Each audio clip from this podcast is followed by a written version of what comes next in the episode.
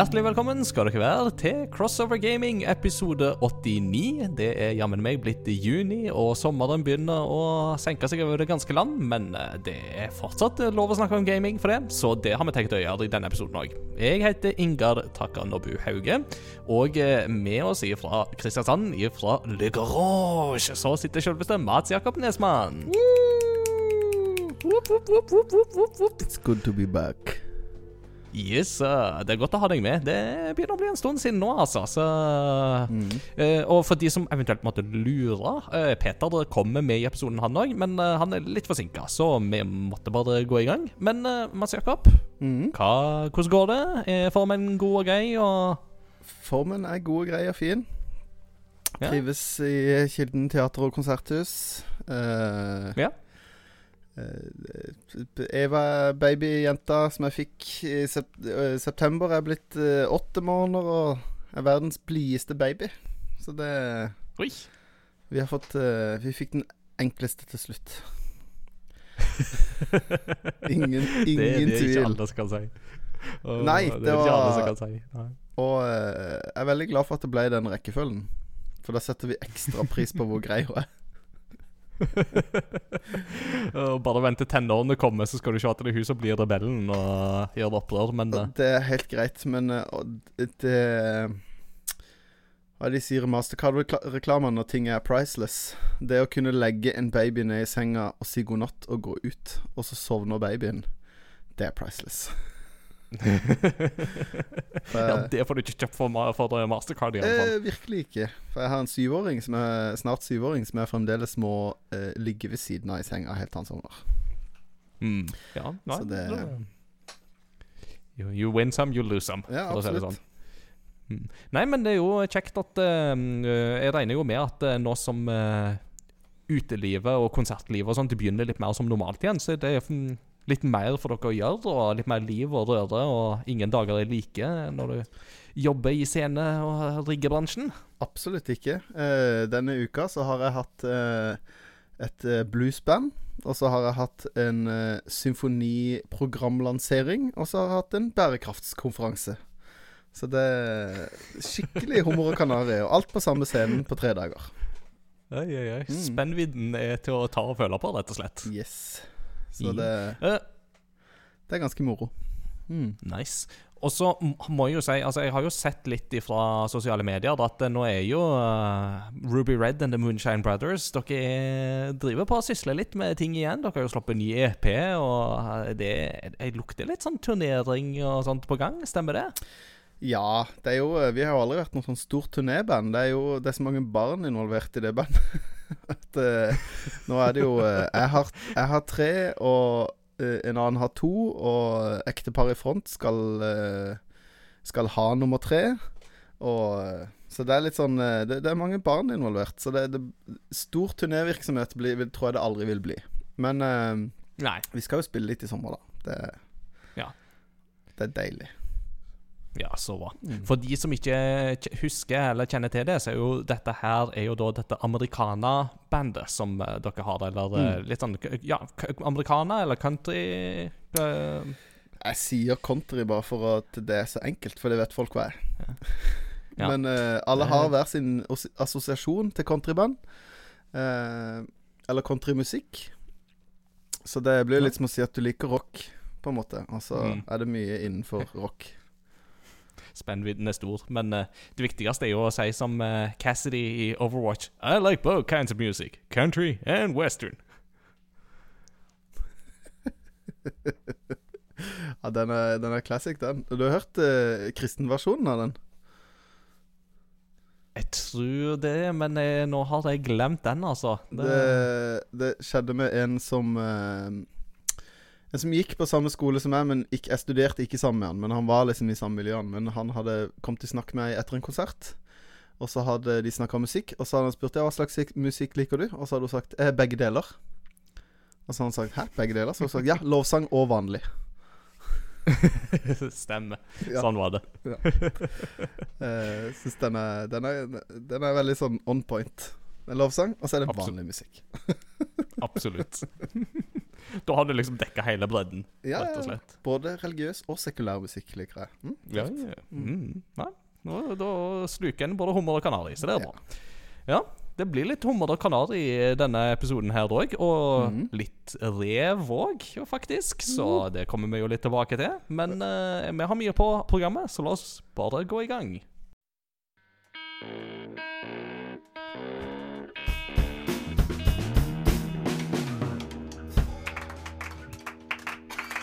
Ja.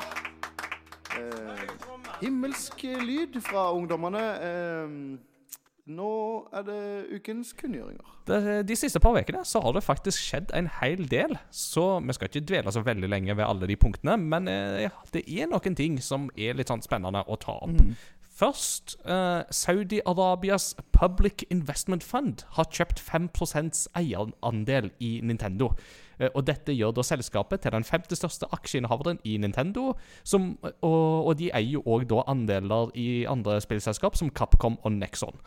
Og, og for de som da ikke kjenner til dette her eh, Dette er på mange måter et saudi-arabisk svar på hva skal du si, oljefondet, mm. men som har fått veldig mye kritikk fordi at man bruker disse investeringsmidlene til å på mange måter hvitvaske Eller, eller re, reinvaske Hvitvasking blir feil, men eh, man, man investerer for å bygge seg et bedre image, sånn at man kan skyve menneskerettighetsproblemer og eh, den slags type ting litt mer under teppet. Eh, Et eksempel på det har jo vært sportsvasking, eh, der saudi-arabiske prinser har brukt av dette her eh, fondet til å kjøpe seg inn i diverse sportsklubber og fotballklubber mm. for å skape seg et bedre image. Og det har jo vært et stort problem i sportsbransjen. Og det er jo ikke det, det, det, det, det er litt uggent når de begynner å fikle med Nintendo-aksjer. Altså. Jeg liker ikke det. Jeg må innrømme det. Mm. jeg, jeg liker det ikke i det hele tatt, det. Og så syns jeg at det, det Jeg syns de skal kalle seg for SAPIF istedenfor Saudi Arabia Public Investment Fund, for jeg syns det, det flyter så dårlig. Bare sånn Det var mer sånn eh, en pitch til de, eh, hvis de hører Ja. på. Hei, eh, SAPIF, hvis dere hører på. Kall dere for SAPIF Ja. istedenfor. Eh, nei, men gjør, gjør det. sportsvasking er jo Det er jo spillvasking, hvis vi kan kalle det det. eh, og det er, jo, det er jo fryktelig skummelt, da. Når Mm. på en måte eh, Det er jo veldig under radaren for folk flest. Både i fotball og eh, Det har jo fått en del oppmerksomhet i fotball, men eh, det her går jo litt under radaren for jeg vil si kanskje 90% av den norske befolkning, på en måte. Ja. Ja. Det, det gjør det jo, men det er jo litt derfor det er viktig for oss å snakke litt om det òg. For det er Mm. jo absolutt en viktig problemstilling. Og litt av grunnen til at det er jo viktig, er jo fordi at som aksjeinnehaver så har du jo mm, veldig stor påvirkningsmulighet til det selskapet du eier aksjer i. Eh, og det er jo litt sånn problematisk for et selskap som Nintendo, som favner så bredt. Uh, nå er jo Nintendo sjøl den største aksjeinnehaveren, uh, og det er klart at med 5% så er det jo visse begrensninger for hvor mye makt de har, men likevel så Det var noen som sa opp det på spøk at ja, nei, så i Mario Kart 9 så vil da alle de kvinnelige sjåførene måtte bli stående stille ved start.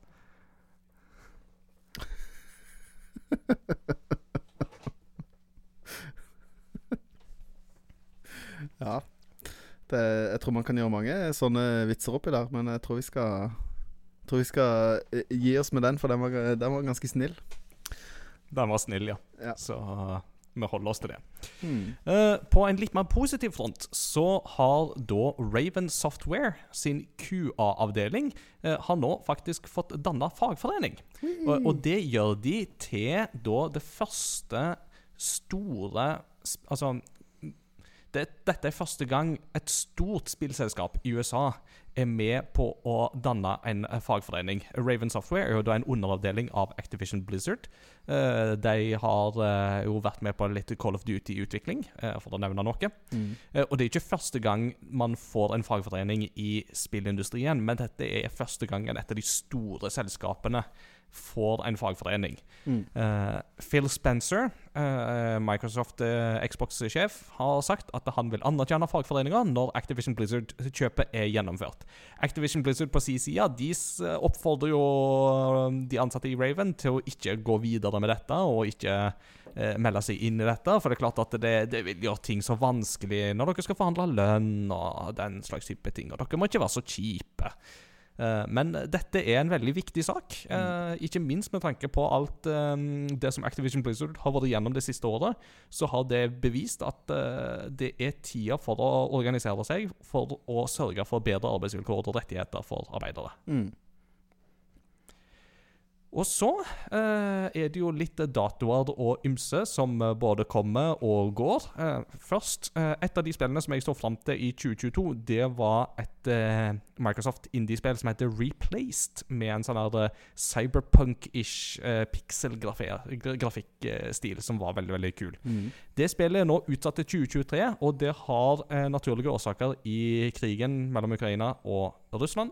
For utvikler, utviklerne av dette spillet kommer i hovedsak og er bo, hovedsakelig bosatt i Hviterussland og Ukraina. Eh, unnskyld, Belarus heter det nå eh, i norsk eh, politikk. Skulle til å si det. Denne veka her så ble det jo vedtatt. Så, ja. så Belarus og Ukraina kommer de jo stort sett ifra. Og Mm. mange av de har måttet relokalisere som følge av krigen. Eh, det går bra med de alle, men det er helt forståelig at de trenger mer tid. Mm. Og så, på en eh, positiv front, eh, for Sony sin del så går PC-spillsatsinga går visst veldig veldig bra. Eh, spillene de lanserer til PC, går veldig bra. Så nå har de annonsert at Returnal er et spill som vil komme til PC i løpet av uh, framtida. Mm. Dato er foreløpig ikke satt, men det er jo lov å håpe på 2022. Og så, siden vi først snakker om Sony, så har de samme businessmøtet bekreftet at de jobber med TV-serier. Eh, God of War skal komme på Amazon Prime. Mm. Tøft. Uh, Hor Horizon skal komme på Netflix. Woo! Yeah. Og så skal det komme en Gran Turismo-serie. Uh. Og den er litt sånn øh? Ja. Ja, det kan jo hende det slår an. Det er jo Jeg føler uh, titt og ofte jeg mister en ny kamerat til Formel 1, så hvorfor ikke? Det er Ja. Den Netflix-serien om Formel 1 har jo gjort at uh, halve Norge er blitt sånn Formel 1-nerds. Så det, mm. det kan godt hende de, slår an. Ja, de vil vel spille på Drive to Survive-bølgen mens uh, jernet er varmt. Mm. Eh, Snakke om jern og drive. Uh, jeg mente at jeg hørte noe snakk om at det skulle komme en sånn golfvariant av uh, Drive to Survive. Mm. Og altså, det ligger jo i navnet der, med drive. Sign me up. jeg er veldig klar for det. Jeg tenkte jeg måtte slenge den inn Ja, ja. mens jeg hadde golfentusiasten Ja, iblant oss her. Får jeg ikke, da får jeg Det fine med det er at jeg slipper å interessere, interessere meg for en ny ting. Mm. For det er problemet. Jeg har holdt meg unna den der eh, Drive to Survive-serien fordi at jeg har bare sett hvor fort folk blir interessert i Formel 1. Og jeg har virkelig ikke tid til flere hobbyer. Det, det, du vet jo, du kommer til det punkt der du må si som Obi-Wan Kenobi I'm getting too old for this sort of thing. Yes. Så eh, har det kommet et par datoer som er veldig gøye. Mm. Eh, først så har det blitt annonsert en oppfølger. Eh, siden vi snakket om Star Wars, så passer det jo greit. Mm. Eh, Star Wars Jedi Survivor har blitt annonsert og kommer i 2023 til PlayStation 5, Xbox Series og PC. Så de dropper forrige generasjon helt og holdent. Noe som begynner å bli mer og mer vanlig. Eh, og jeg er hyped på mer eh, Star Wars Jedi, jeg, altså. Det Mm. ser veldig lovende ut så langt, selv om det bare er en teaser. Men er det ah, Er det på en måte en oppfølger til det spillet som kom for noen år siden? Ja, dette Ja. er oppfølgeren til Star Wars Jedi Fallen Order. Ja, ikke sant? Uh, og for det her er jo Star Wars Jedi kolon, og så var det jo da Fallen Order var første undertittel, Ja. og nå er det undertittelen Survivor. Men det er fortsatt med Cal Kestis Mm. i hovedrollen. Tøft. Veldig tøft. Og så eh, har det jo nylig kommet en eh, Det var vel i går, så viste de litt mer av Pokémon Scarlet og Pokémon Violet, Mm. og bekrefter at eh, de kommer 18.11. Jeg vet ikke om du har sett eh, noe av det, og har noen tanker? Jeg så Jeg har ikke sett noe av det som ble lansert, men jeg har sett bilder av noen professorer og noen legendaries. Eh, Ja. Og de legendariesene i Pokémon får jo bare mer og mer sånn der skjerf, holdt jeg på å si. Sånn, det er en eller annen sånn tynn dinosaur med masse sånn er Litt som den der eh, Hva er den het for noe, den i, i Sword and Shield? Den het eh, Eternitus. Som var liksom den Ja. eh, drage-legendarien som du kan få på slutten av spillet. Så det Ja da. er hype, det. Pokémon er Ja, og trygt og godt. eh, Internett reagerer selvsagt på at professorene ser veldig attraktive ut. Ja. Det er bare sånn at eh, What are they doing? The, the professors are attractive. Men eh, en ting som jeg mener å ha lest i dag eh, Det går litt kjapt i disse eksamensdager, så det er ikke alltid, alltid jeg husker om jeg har lest, eller hvor jeg har lest det. Mm. Men jeg mener å ha lest at eh, dets, disse spillene her vil få en mer en sånn ikke-linjær progresjon. At du kan tilnærme deg spillet litt mer sånn som du vil. Eller ta ting litt mer i den rekkefølgen du vil. Tøft. Og det er jo veldig spennende. Hvis du ikke må ta gymmene i en bestemt rekkefølge, men Mm. kan gå litt mer videre, så er jo det litt spennende. Eh, sånn, da, da føler du at da leker de seg enda mer med den der åpenheten vi så litt mer i Pokémon Legends. Mm. Og, og det liker jeg veldig godt. Ja, f- det er jo litt sånn eh, Pokémon-spillerne er jo alltid bra. Det er jo, de er jo aldri det er jo, De er jo sjelden dårlige. Det som er kjedelig med Pokémon, er jo at det er likt. Men det er òg det som er litt deilig med Pokémon. At det er, du vet litt hva du får. Men Det er eh, comfort food. Ja det, ja, det er litt sånn Det er som en pose chips, på en måte. Eh, og jeg syns jo at eh, det er spennende med en ny retning. Eh, for, de, for de spillene, men, eh, men eh, jeg tror de òg er livredd for å miste liksom kjernefansen, da. Som egentlig bare Litt sånn som Fifa, da, på en måte. At det, det skal bare være fotball. på en måte. ikke sant? Vi vil ikke ha Mario Strikers, vi vil ha fotball. Uh, Ja. Ap apropos, er du hypa på Mario Strikers? Uh, absolutt. Ja. uh, en sucker for uh, arcade sportsspill, så det eh, Jeg er veldig klar for det. Og så er det jo gøy med alle Ja. jeg kan, føler jeg kan spille med guttene mine.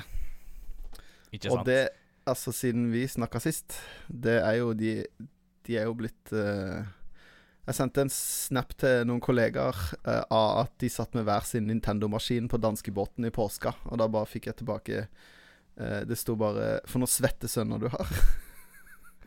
Så de er blitt sånn De er blitt sånn sweat gamers. Altså, de, de spiller hver dag.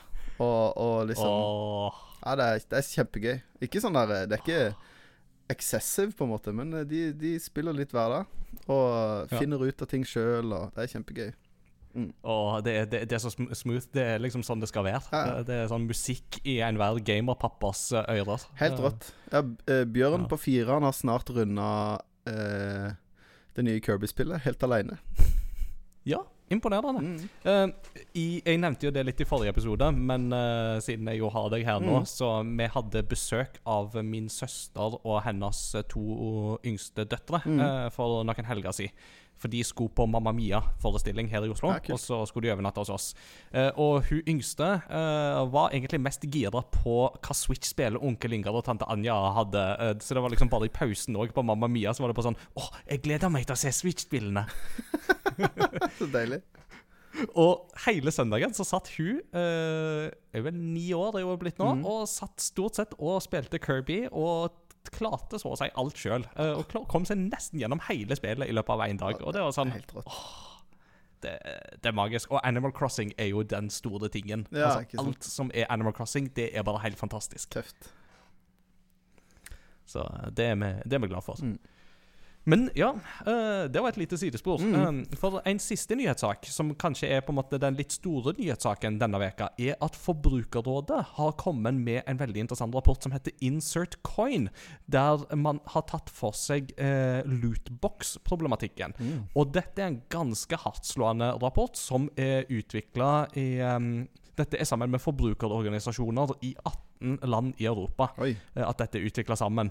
Eh, og bare sånn for å ta litt uh, den researchen de har gjort her, så har jo han norske representanten som har vært aktivt involvert i dette her, uh, som jeg ikke husker navnet på akkurat nå, men det var Thomas et eller annet, har jo vært veldig aktiv på Reddit for å hente inn uh, liksom spilleres meninger og tanker og erfaringer knytta til dette her. Så de har jo faktisk drevet research på Reddit eh, Mm. inn imot dette her òg.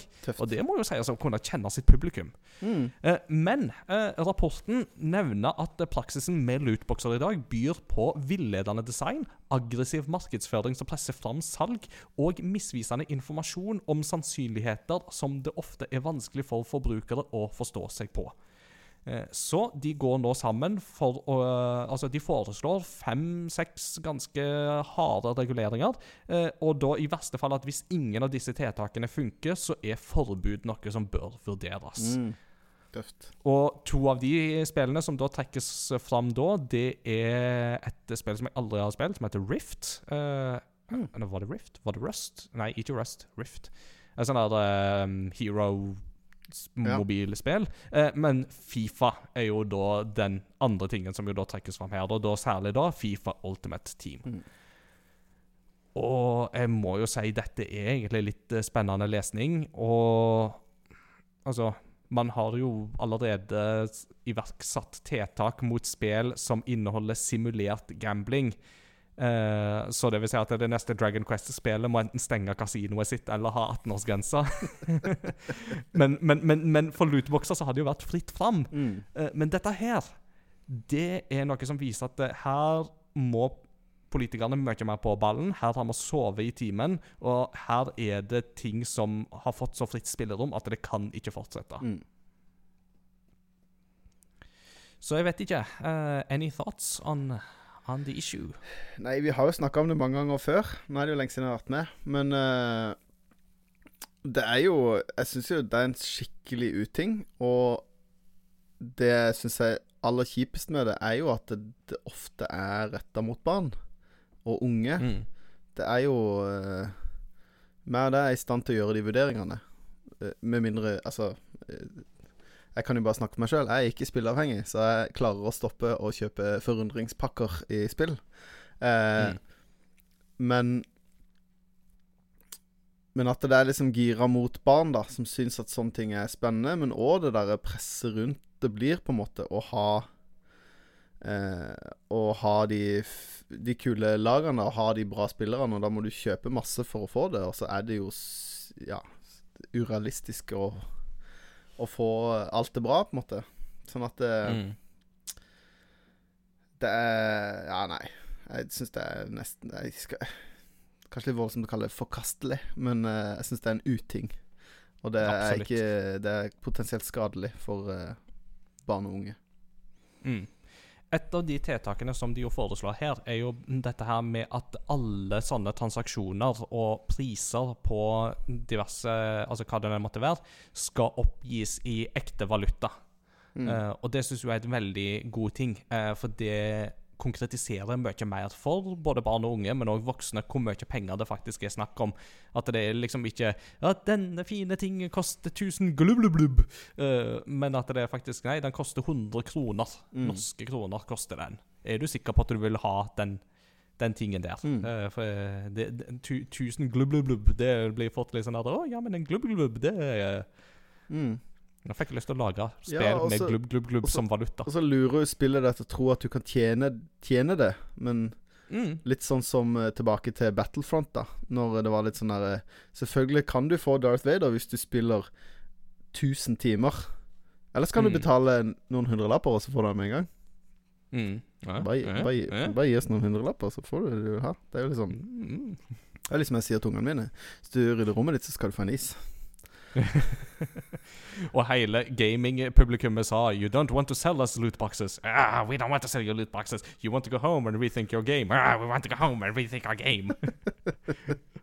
And they actually sort of did, uh, faktisk. Ja. Star Wars Battlefront 2 fikk jo en utrolig dårlig start, men det skal sies at det spillet det har blitt veldig mye bedre. Mm. Uh, og altså spiller du det nå, så har du det veldig gøy med det spillet. Så bra. Uh, så så jeg, kan, jeg kan slå et slag for det, altså. Og det er liksom hver gang folk snakker drit om Battlefront 2, så er det sånn Ja, men det, det begynte ikke bra, men du verden, de snudde den uh, skuta der, da, altså. Mm. Og det ble veldig, veldig, veldig bra etter hvert.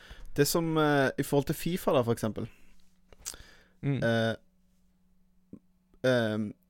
For å si at de hadde fjerna muligheten for å kjøpe de her eh, kortpakkene da som du kjøper for å bygge et lag. Um, så er jo den eneste andre måten å få dem på, er å spille. Og det er ikke nødvendigvis Mm. at det er så veldig bra, det heller, å oppfordre de til å spille veldig masse for å få ting. At den som sitter eh, mest inne og gamer For det, det kan jo også være usunt, på en måte. Ikke sant? Eh, verken meg eller det er jo noen forkjemper for eh, excessive gaming, på en måte. Det, er jo, det kan jo bli et problem, det også. Um, Mm. Sånn at jeg, Jeg ser ikke nødvendigvis Jeg klarer ikke liksom eh, på en måte off the top of my head komme med en kjempegod løsning. Altså et veldig bra alternativ, på en måte. For den game-moden Jeg skjønner jo at det er gøy. Det er jo på en måte Det er jo litt det samme som Pokémon-kort, bare at det der står det at pakka koster 69 kroner for disse 11 kortene. Som når jeg sier det høyt, så skjønner jeg at jeg er gal. Eh, eh, men eh, Men det, ja, det er jo litt det samme, da, på en måte. Man kan jo kjøpe Mm. lootboxer i virkeligheten òg. Nå jeg, tok jeg gåseøynefingre. Det er så lenge siden jeg har gjort podkast at jeg har glemt at jeg kan ikke Det er bare Ingar som ser fingrene mine. ja. Han, han, ja. Ja. you know, I don't like it when people do this because I don't know what this means. Som Joey ville sagt. Å, god stemning. Fortsatt, fortsatt en av de beste tingene Joey har gjort, er å ikke skjønne hermetegn. Ja. I'm sorry i hermetegn. Ja. Nei, beste Joey-quoten er jo når han eh, slår seg i adamseplet og sier 'Ow, my Joey's apple'. Den, eh, Hjertelig velkommen til Friends-podkasten. Hey! Friends over gaming. Crossover friends. Uh, we are friends in all kinds of realms. Uh, for de som ikke har hørt på nyeste episoden av Retrospellauget, så hadde vi jo en uh, podkast som vi teasa litt der, uh, Sigrun og jeg, uh, Mhm. som kunne vært artig. Og det var jo da en Akira Kurosawa-podkast, uh, der den går gjennom alle filmene til Akira Kurosawa og snakker om de. Jeg gjorde litt research og fant ut at det, det fins ikke på norsk. Så hvis vi gjør det, så er vi første ut. Mm. Mm. Så vi får se. Kanskje en søsterpodkast en, en gang. Vi får Ja. se. Vi får se. Yeah.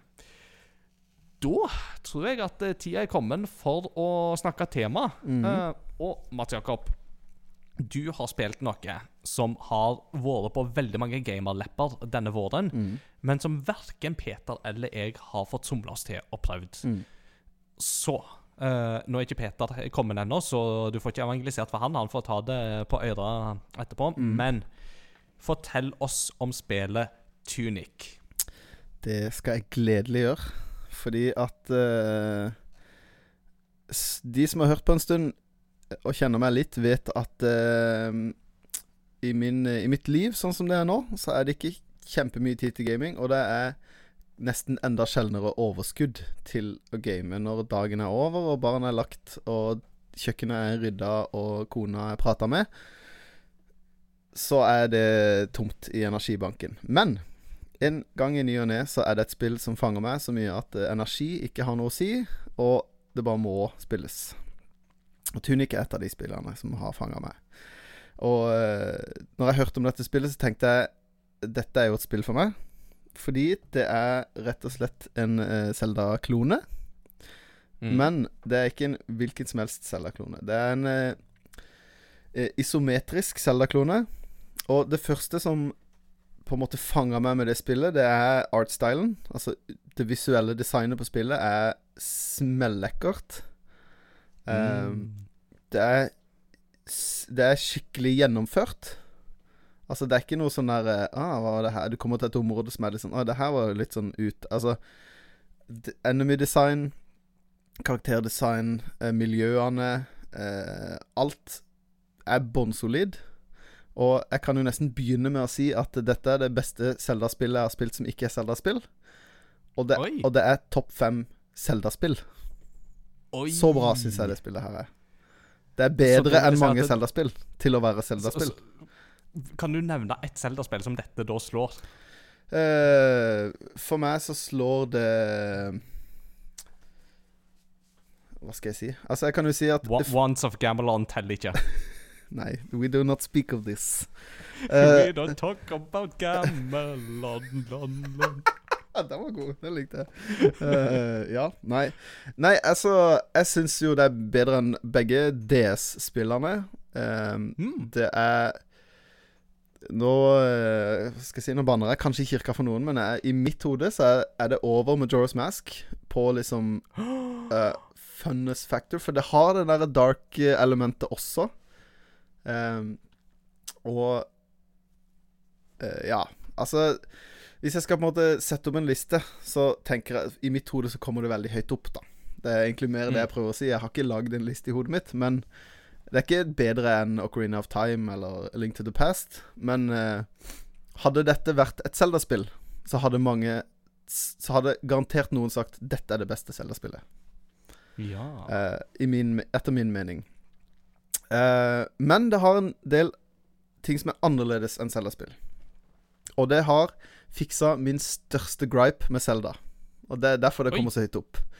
Fordi det som irriterer meg aller mest med Zelda-spill, er at du eh, Du eh, spiller en lang dungeon. Nå snakker jeg om lineære Zelda-spill. For det, Breath of the Wild har jo noen eh, bosser som er ganske vanskelige. Eller sånn fiender som krever en del eh, tid.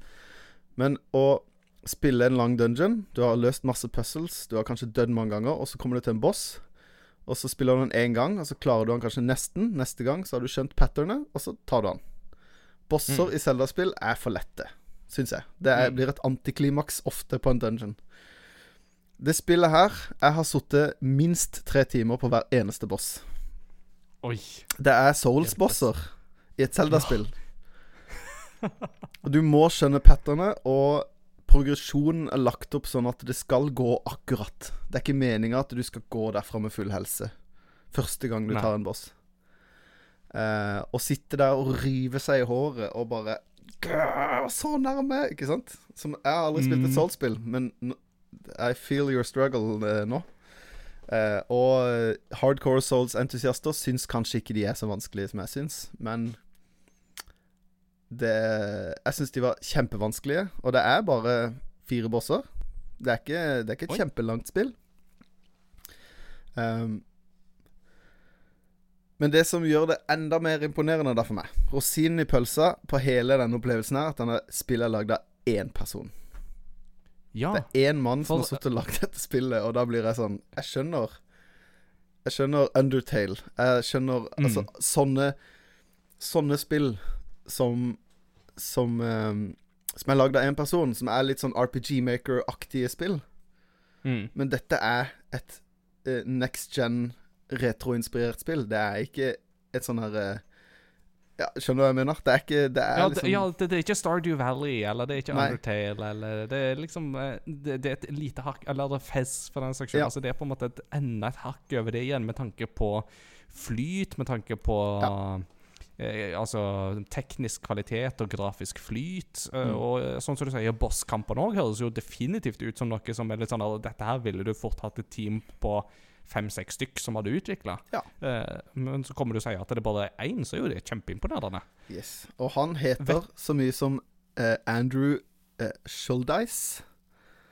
Okay. Uh, Og han har utvikla dette spillet alene. Han jobba i et firma, jeg husker hva det het, men han uh, utvikla det Han begynte på det på hel i helgene. Mm. Um, og så skjønte han at jeg må satse på dette her. Han sa opp jobben sin og gikk fulltid inn for å lage dette spillet. Og så fikk han en utvikler som hjalp han litt, så han har ikke gjort absolutt alt helt alene. Mm. Men uh, som hjalp han litt. Og så er det én person som har skrevet soundtracket. Som også Ja. Jeg kommer til soundtracket. Eh, som jeg sa til deg, Steinger, det, jeg kjøpte soundtrack i dag. Og det er ikke veldig ofte jeg kjøper soundtrack. For det, mange ligger jo ute sånn til streaming, men dette gikk jeg inn for å kjøpe, for jeg syns det er veldig tøft. Mm. Uh, en annen ting som jeg syns at eh, er en ekte stjerne i boka for dette spillet her, det er at Um, jeg har veldig lenge blitt veldig motivert av og inspirert av pixel art-spill, fordi at de trykker på en grafisk stil, en knapp i meg, nostalgiknappen på grafisk stil i meg. Mm. Yes, dette ser ut som de spillene jeg likte da jeg var barn. De spiller litt likt. Dette liker jeg. Dette spillet gjør jo ikke det, men trykker beinhardt på nostalgiknappene. Og eh, en av grunnene til det er fordi at eh, spillet All tekst i spillet foregår på et fiktivt språk som du ikke det er meninga at du skal tolke. Det er ikke meninga at du skal lære deg å lese det. Det er et fiktivt språk. Hmm. Som for meg, som for meg trykker på den knappen når jeg ikke kunne engelsk og var barn, og bare vandra rundt for å skjønne ting. Jeg måtte på en måte intuitivt skjønne noe, eller oppdage ting litt sånn Å ja! Ja, ja. Så de trykker på en sånn helt annen nostalgisk knapp enn enn den derre Å, dette ser ut som det, men det føles som å spille et gammelt spill. Eller det er den samme spillopplevelsen, da. Litt den der klassiske som vi hadde, altså for å ta Zelda-parallellen Mm. igjen, da, men for de som kanskje spilte Ocarina of Time uten å kunne noe særlig engelsk, som bare på en måte fjasa rundt i tre måneder før de skjønte liksom at eh, Nei, du må gå til den landsbyen der oppe som heter Kakariko. Ja. Og- Å ja, og jeg skulle dit, ja. Jeg trodde at eh, jeg skulle ned, på sjø, ned til sjøen, eller at jeg skulle tilbake i skauen, eller Eller det Eller bare vandre rundt og bare slakte skeletons om natta, liksom. Ja. det tok to jeg, jeg har ikke fullstendig begrep om hvor lang tid det tok. Det føltes som at det tok tre måneder før vi skjønte at vi skulle gi Jabu Jabu en fisk. Ja, for eksempel. For vi kunne ikke engelsk, og skjønte jo ikke når han da sier Hm, hun gikk for å gi han mat. Mm. Så tenker du å ja, jeg skal gi han mat. Det skjønte jo ikke vi. Eh, og det er litt samme opplevelsen her. Det er noen ord som er uh, Og spillet er oversatt til norsk. Det er kjempegøy. Sånn at eh, all in game, all in game tekst nå viser jeg gåseøynene igjen. Uh, det er veldig lite av det, men det er jo på en måte velvalgte ord som er meninga at du skal forstå. Men det kan Mm. du få på norsk. Eh, det eneste stedet jeg har sett hvor det er dårlig, er når de har oversatt ordet brønn til bønn. Kjempegøy. Eh, men det heldigvis er på et sted ja. ned, i, ned i brønnen. Du skal ned i bønn? Å, ja vel. Ned på kne. Eh, Innom det. Eh, men nei, det, så det trykker på den knappen. Og en annen ting som trykker steinhardt på den nostalgiknappen, er at eh, du samler en bestemt ting i dette spillet. Og det er sider til instruksjonsmanualen til spillet. Som er oh. inspirert av Zelda 1 og Zelda 2-manualen. Så det ser ut som en NES-manual med håndtegna, malte bilder. Kaffeflekker. Håndtegna notater. Så en del av tipsene eh, En del av måtene å skjønne puzzles i spillet på, er du må skjønne notatene og tegningene som noen har gjort. Og et par steder så er det en liten pil. Så skjønner du Å ja, her er det en hemmelig gang, for noen har notert seg at her er det en liten pil. Altså, det er så jeg, kan se, jeg sitter ofte bare og blar i den manualen og bare er litt sånn Og minner meg om når jeg fikk Ocarina of Time, da, for eksempel. Og bare bladde i manualen, og så ser du et bilde fra et område, og så bare Å, jeg gleder meg til jeg kommer hit i spillet og kan se dette området. Den knappen trykker det spillet på for meg. For det at du plukker ikke manualsidene opp fra 1 til 52, men du plukker de opp litt sånn hist og pist, og som også er en del av progresjonen i spillet, for det at du skjønner noe, for du får halvparten av sida til noe. Så du får halvparten av informasjonen, og så er det jo selvfølgelig helt kalkulert hvilken informasjon som står på den sida du kan få i den delen av det spillet. Um, som bare gjør Du får på en måte en exploration beat også i manualen, og det syns jeg er så ustyrtelig genialt. Og originalt. Mm. Ehm, som gjør at eh, jeg bare falt fullstendig pladask eh, for Mm. det spillet her. Absolutt. Altså, det, det der Jeg bare du, du nevnte jo Zelda 1 og 2. Jeg fikk assosiasjoner til Gameboy Gameboy-manualen til Links Awakening. Ja. Eh, for denne hadde jo liksom det samme type med håndtegna animasjoner og Link Mm. som fikk liksom den ene bevegelsen og den andre. Og, og mye av det sto jo på japansk i den utgaven som jeg hadde, så det var liksom litt begrensa hvor mye jeg kunne lese av japansk på den tida der. Så det var, da måtte jeg liksom forestille seg ting, og så bare sånn Å, oh, det var kult. Å, det var stilig. Mm. Og, sånt. Så, oh, men eh, med kaffeflekker og det hele, det er jo bare helt Ja, det er ganske rått. Eh, og så er det også veldig På en måte De, de har gjort ordentlig flid med den manualen. Det er kjempepene tegninger og, som jeg sa, malerier, og det er liksom eh, De har klart å Altså, spillet har jo ikke pikselgrafikk, sånn at det er ikke sånn at eh, Som, som det var i Zelda 1 og 2 og, og i eh, Fram til eh, Link, Link to the Past, at du må på en måte det du så på skjermen, var ikke nødvendigvis det Det bildet i manualen var ganske mye fetere og Mm. uh, lifelike enn det, det som du, den der pikselen du ser på skjermen. Uh, sånn at det her er ikke på en måte avstanden mellom spillgrafikk og manualen så stor, men du får et helt annet bilde av de tingene, da. Mm. Um, og så eh, vil jeg jo ikke spoile noe. Jeg har jo lyst til å snakke om alt som er tøft med dette spillet, så jeg skal ikke spoile noe. Men, eh, men spillet har to endings. Oh. Eh, fordi at eh, Så du har på en måte en good ending og en bad ending. Og det handler om eh, Not an ugly ending. Ikke noe ugly ending. Ah. Bare en søgly ending. Nei eh, Sånn at det er mulig å, å gjøre på en måte feil eller riktig, men mange har hørt om Hvis du er litt sånn completionist, så får du nok good ending uansett. Mm. Eh, hvis du er litt sånn Men det er litt, jo, det er litt sånn som i, i Chrono Trigger, at du kan på en måte dra til slutten på feil tidspunkt og bare få en sånn eh, Litt sånn ah, antiklimaks. Mm. Eh, og så skjønner du ikke på en måte nødvendigvis eh, før etterpå at 'Å ja, men jeg burde jo ha gjort dette og dette og dette.' dette Så veldig mange av de jeg har hørt om snakke om spillet, eller sett reviews av, sier at de gikk rett inn i New Game Plus med en gang. Fordi de enten ville få good ending, eller de ville få bad ending. Mm. Fordi at det er ganske det, eh, det er ganske stor forskjell. Fordi at i den ene endinga så gjør du den store kampen på slutten, i den andre gjør du ikke. Så du får Du kan gå glipp av en bosskamp. Hmm. Uh, Ut ifra hvilken ending det er. Og det, jeg tror ikke det er tre endinger. Jeg har bare hørt folk snakke om to. Men uh, det er uansett to, på en måte, to måter å avslutte spillet på, da. Spennende. Eh, og så er det jo akkurat som eh, Eller en ting jeg syns de utforsker mer i det spillet her, som er et veldig sånn Zelda-element, er jo denne her reinkarnasjonen av The Hero. Eh, Mm. fordi at det er veldig sånn tydelig hele veien at du er en reinkarnasjon av The Hero. Fordi at den, de manualsidene du finner, er jo fra en hero som tidligere har gjennomført questet. Ja Det er derfor det er kaffeflekker, det er derfor det er notater. For det er noen andre som har løst det før deg. Åh, åh, så genialt. Det er kjempegøy.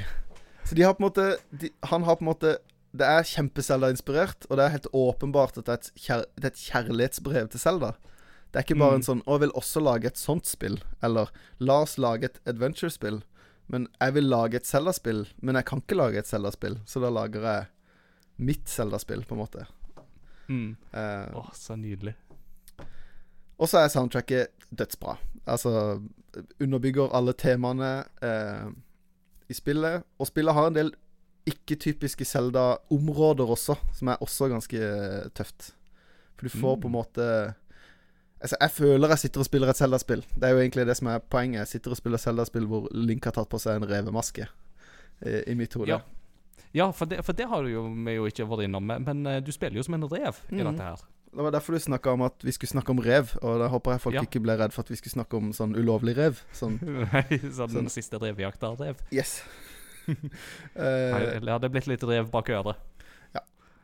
men uh, Sånn at jo, du spiller som en rev, og du våkner opp på en strand, sånn som du gjør i iallfall ett cellespill. Eller blir, Mhm. da du blir funnet på en strand i et annet cellespill. Men uh, du våkner på en strand, og så må du bare begynne å gå. Og så finner du en hule, sånn som det første cellerspillet, hvor du finner en pinne.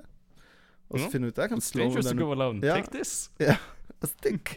Som er også veldig gøy, fordi at du får en pinne, og det er et ubrukelig våpen. Men det er det eneste du har.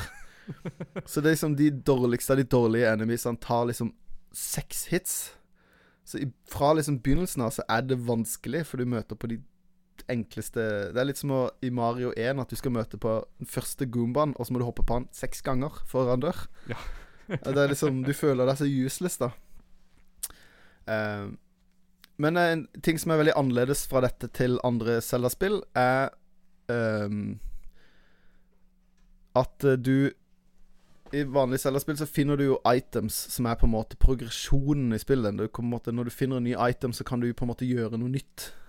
Hei, Mm. Petter! uh, når du finner en item, så kan du på en måte gjøre noe nytt, eller du kommer videre på et vis da i det området. Her så uh, finner du items, men det er ikke så mange. Så det er ikke sånn at du har sånn kjempestor item management. Du har på en måte tre på en måte nye ekstravåpen i tillegg til et sverd du kan få.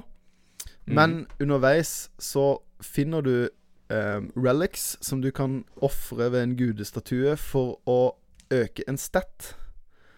Sånn at det er en liten sånn stat-greie her, men det er ikke sånn at du kan Som i et typisk rollespill hvor du kan eh, booste Ja, jeg vil gå veldig melee, eller jeg vil gå magic, ikke sant? Men eh, det er Mm. sånn Men du må faktisk utforske alt mulig og kriker og kroker eh, for å finne disse sånn at du er sterk nok. Hvis ikke så Så har du ikke sjans på Mm. til og med de enkleste fiender, på en måte. Og så skulle jeg si en ting til. Jo, en annen ting som eh, gjør at spillet er ganske mye vanskeligere enn et tradisjonelt Zelda-spill, er at eh, eh, inventory-menyen din er ikke på pausemenyen. Det er en egen meny som ikke pauser spillet når du er inne og eh, driver med inventory management. Ja. Så under en bosskamp så er det Det er som å signere Hva de sier? Sign your own death. uh, Death Warrant. Yes. Ja. Ved å prøve å bytte en item, eller gå inn og hente en ny healing item. Fordi at uh, bossene er så relentless, da. Ja. Uh, og det syns jeg er dødstøft. Det er dødsfrustrerende. Jeg har klikka flere ganger fordi jeg har prøvd å hente fram en sånn magic berry som skal gi meg muligheten til å bruke den magicen en gang til. Og så dør jeg istedenfor. Men uh, ja. Jeg tror det var Jeg tror det var Smosh uh, som lagde sånn uh, YouTube-video på det en gang, med liksom If video games were Eller if real like, life were like video games. Mm. Eller altså Hvis video games og real life uh, kryssa over i hverandre, så hadde du sånn type sånn Golden Eye-situasjon der du hadde liksom en hemmelig agent som kommer fram, og så er det to stykker som ser den, og så tar agenten og begynner å se på klokka, og så bare hører du gong, gu, tu, du, dun, du. Og så ser du bare at han står der og ser på den klokka, for da har han i pausemenyen i Golden Eye. Og så står de to liksom bad guys og bare ser på hverandre og så bare Hva er det du holder på med? Og så bare skyter de han. Det, det er jo en YouTube Hei, forresten! Hei, hyggelig å se deg. her! Eh, Men ja, det er jo en YouTube-kanal hvor de eh, lager sånne videoer som er liksom merkelige ting i gaming. Type at hvis det er en stokk over stien, så kan du ikke gå.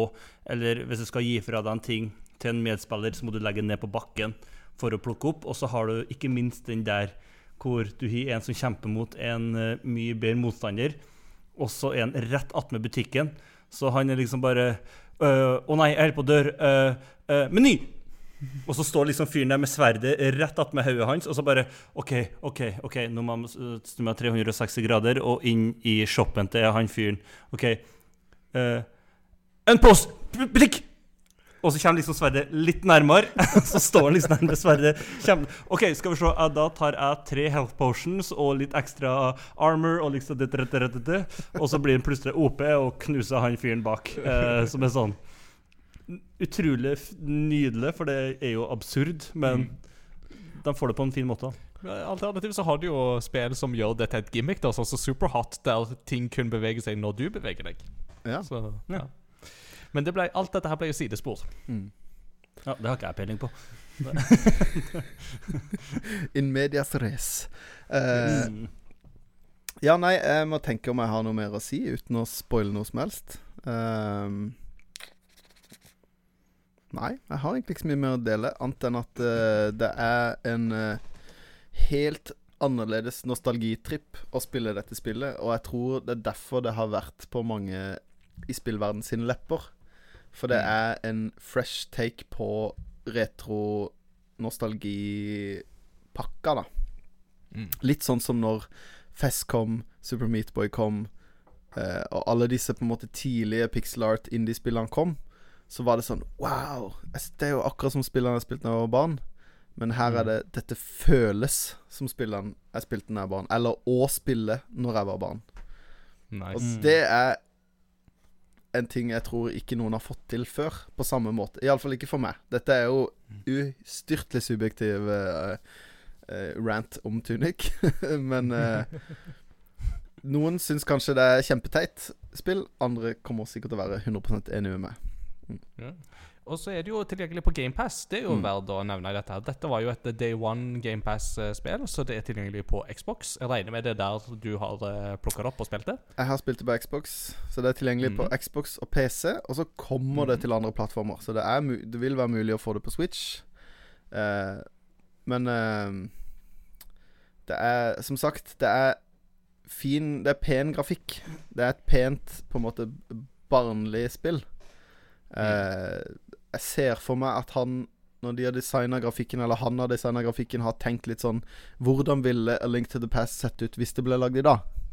Så skjønner du hva jeg mener? Mm. Eh, de har på en måte tatt konseptene og bare gjort det pent. Litt sånn som de Ja, litt sånn som eh, Link Between Worlds på en måte tok samme greia, men bare gjorde det pent. Ja, ikke sant? Ja. Alltid. Mm. Spennende. Mm. Ja, Peter, har du noen spørsmål om uh, Tunic som du ikke har fått besvart? Så hva er tunic? Ja, nei, jeg- For å vite det, så må du ta oss og høre på episoden. Tror jeg, eh, tror, jeg tror nok jeg gjør det i stedet. Ja, det det like kan- greit. Det kan jo være en god idé. Du kan jo eventuelt høre gjennom eh, første delen i pausen, som jeg tenker at vi tar nå. Og så kommer vi tilbake i del to med lytterpost, eh, hva vi har spilt i det siste, og eh, alle de andre gode spaltene. Så det kommer til å fortsette å gå som en dans. Følg med.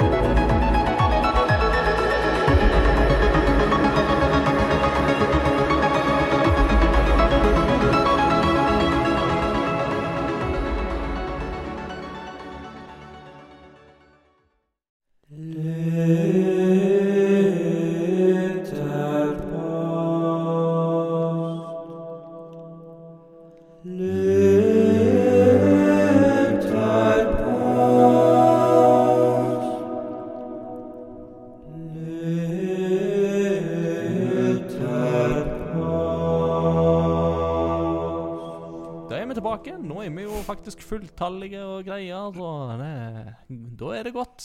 Da er vi Det det, det ble plutselig veldig trivelig. Ja, ikke? sant? The boys are back in town, og så videre og så videre. Og alt det der. Ja, ja, det er så gildt at det.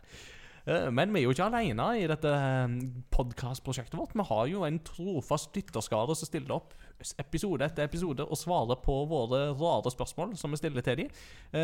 Men dette spørsmålet her, det var ikke så rart, Fordi at eh, det var det du som kom med, Peter. Og det syns jeg var veldig kult. For du lurte på Hvis vi kunne slette et spill fra hukommelsen og opplevde det for første gang på nytt, hva spill ville det ha vært? Det, den er vrien, altså. Den er tricky. Så det syns jeg var litt artig.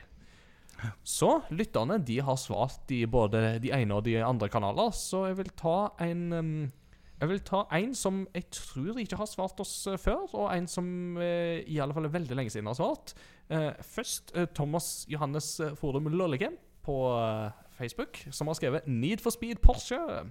Den mestringsfølelsen av å bli bedre og bedre til å kjøre gjennom de trange gatene var magisk. Eh, og den andre, det er da Vegard Børjesson, som skriver 'Curse of Monkey Island'. Åh, den er jeg, jeg, jeg har jo hatt liksom den ganske fast, da, for Curse of Monkey Island spilte jeg jo først nå med retrospillauget. Mm. Og det var jo det var jo så artig at eh, jeg skulle gjerne liksom gått fersk inn i den opplevelsen igjen og fått A pirate I was meant to be, trim the sails and roam the sea. Deilig. Mm. Men hadde du glemt det, så kunne du jo synge den til oss nå. Så det er jo veldig kjekt for oss, da. Ja, det er for så vidt et viktig poeng. Veldig glad for at du husker det.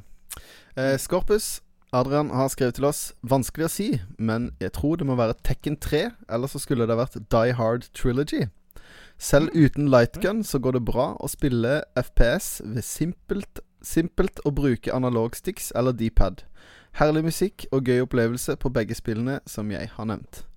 Og jeg må bare kommentere det her. Grunnen til at jeg vil trekke fram den her, når jeg leste den, var I mitt hode, når jeg tenker jeg vil oppleve ting på nytt, eller skulle ønske jeg kunne glemme det så jeg kunne oppleve det på nytt, så er det jo fordi at jeg vil glemme på en måte hendelsesforløpet, eller vil glemme historien. Men her er det akkurat som man vil på en måte oppleve Eller litt som det spillet som ble nevnte i stad, du har på en måte lyst til å lære oppleve grinden på nytt. Du har lyst til å oppleve den læringskurven på nytt. Og det er aldri en ting som jeg har tenkt at en grunn til å glemme noe. At jeg har lyst Jeg ville aldri sagt f.eks. Og jeg skulle ønske jeg kunne glemme trommer, så jeg kunne sitte og øve i timevis på nytt. Det er ikke noe jeg tenker at Å, jeg skulle ønske jeg satt der og ikke kunne det igjen. Eh, men så er jo ikke jeg en, verken en fighting game-spiller eller eh, ihuga FPS-spiller. Sånn at eh, jeg tenker man har jo lyst til å gjenoppleve det man liker best, på nytt. Men eh, For jeg har jo Jeg har kanskje ikke nevnt i podkasten før, men eh, til neste år så er det 20 år siden 'Atter en konge' kom på kino. Mm. Og da er det stemmer det. 20 år siden jeg har sett 'Ringenes herre'. For når jeg gikk ut av kinoen og hadde sett 'Atter en konge', så ville jeg se det på nytt og huske så lite som mulig. Så jeg bestemte meg for der og da å ikke se de på 20 år, og det er til neste år. Oh, Så jeg har Skal jeg ikke fortelle noe? Ja. Jeg, jeg husker, Det der visste jeg, og jeg kan gå nøyaktig til den plassen hvor du fortalte den sjokkerende tingen på mitt øre. Jeg var på vei til den gamle jobben, Pascal. Jeg hadde akkurat kommet på toppen av teltbakkene nedpå Løkka. Og var på vei liksom over kneika og skulle gå nedover. Og så kommer du med den sjokkerende samt geniale tingen. For du vil jo faktisk få den drømmen oppfylt av å på en måte ha basically blanke ark Mm. av antageligvis kanskje, kanskje den filmen som jeg Hvis det hadde vært film, så hadde det nok antageligvis vært 'Atter en konge', som jeg Mm. gjerne skulle ha wipa, bare for å få den førstegangsopplevelsen med Nå skulle jeg si forskjellige scener, men det kan vi jo ta om et år. Ja. Eh, No spoilers! Nei, altså, jeg har jo sett uh, Ringens brorskap mer enn én gang. Jeg har sett To tårn mer enn én gang, men jeg har sett Atter en konge én gang.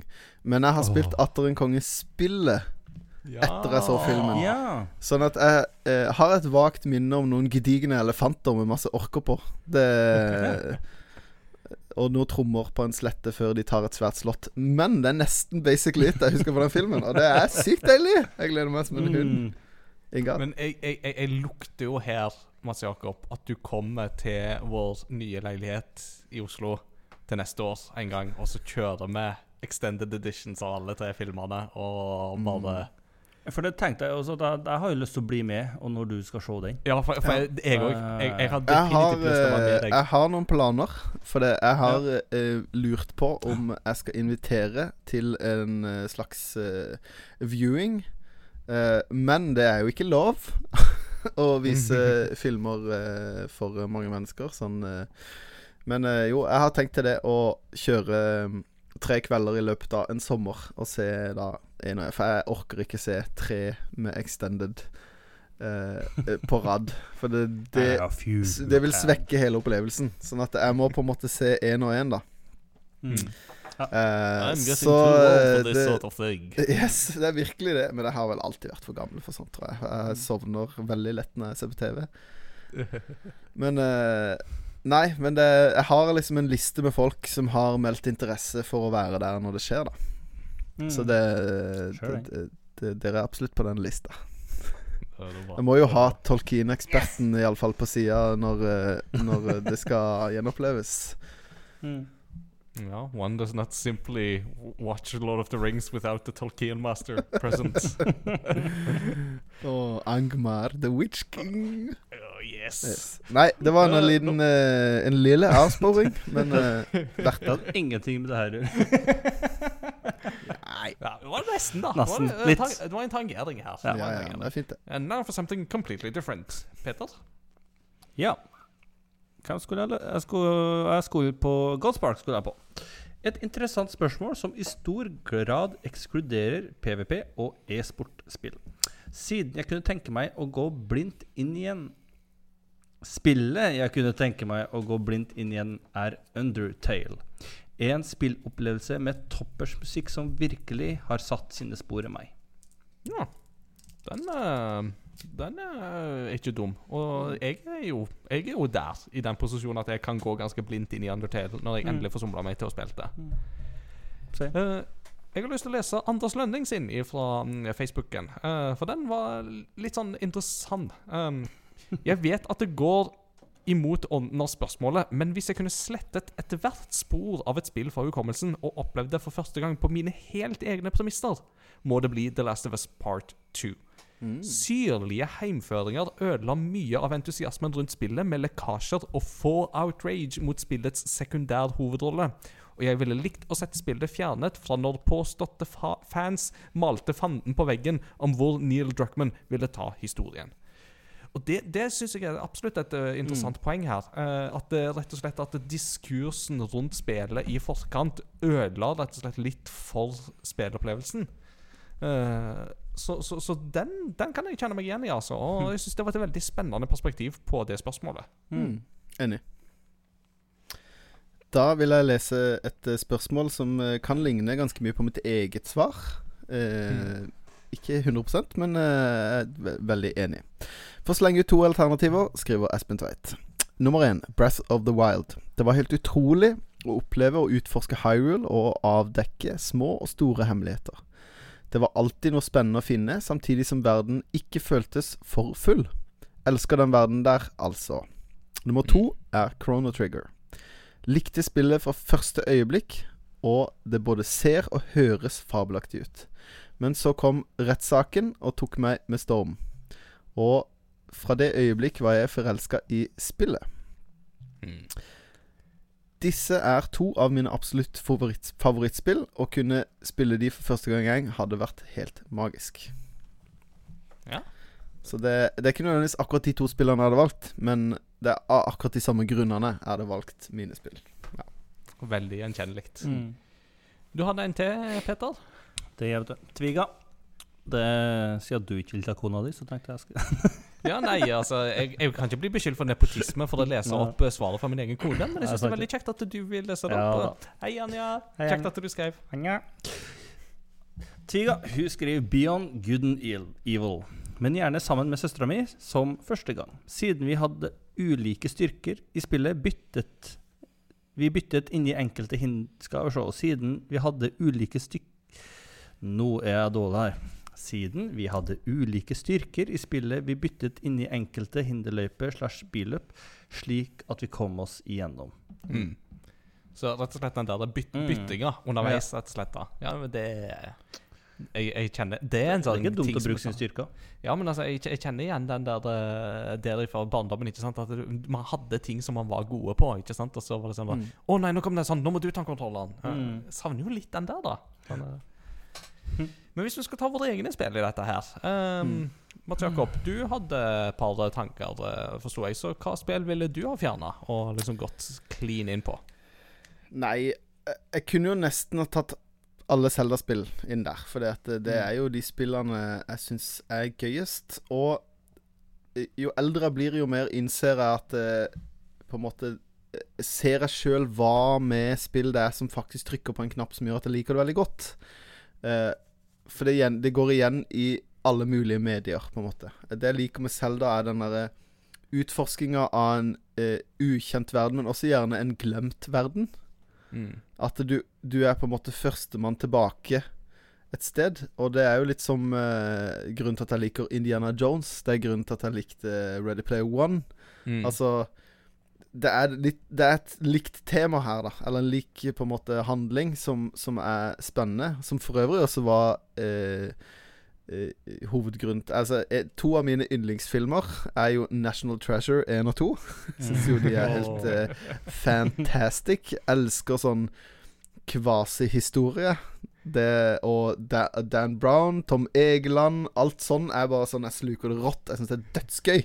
Mm. Og jeg er fullstendig ukritisk til det. Det er bare gøy.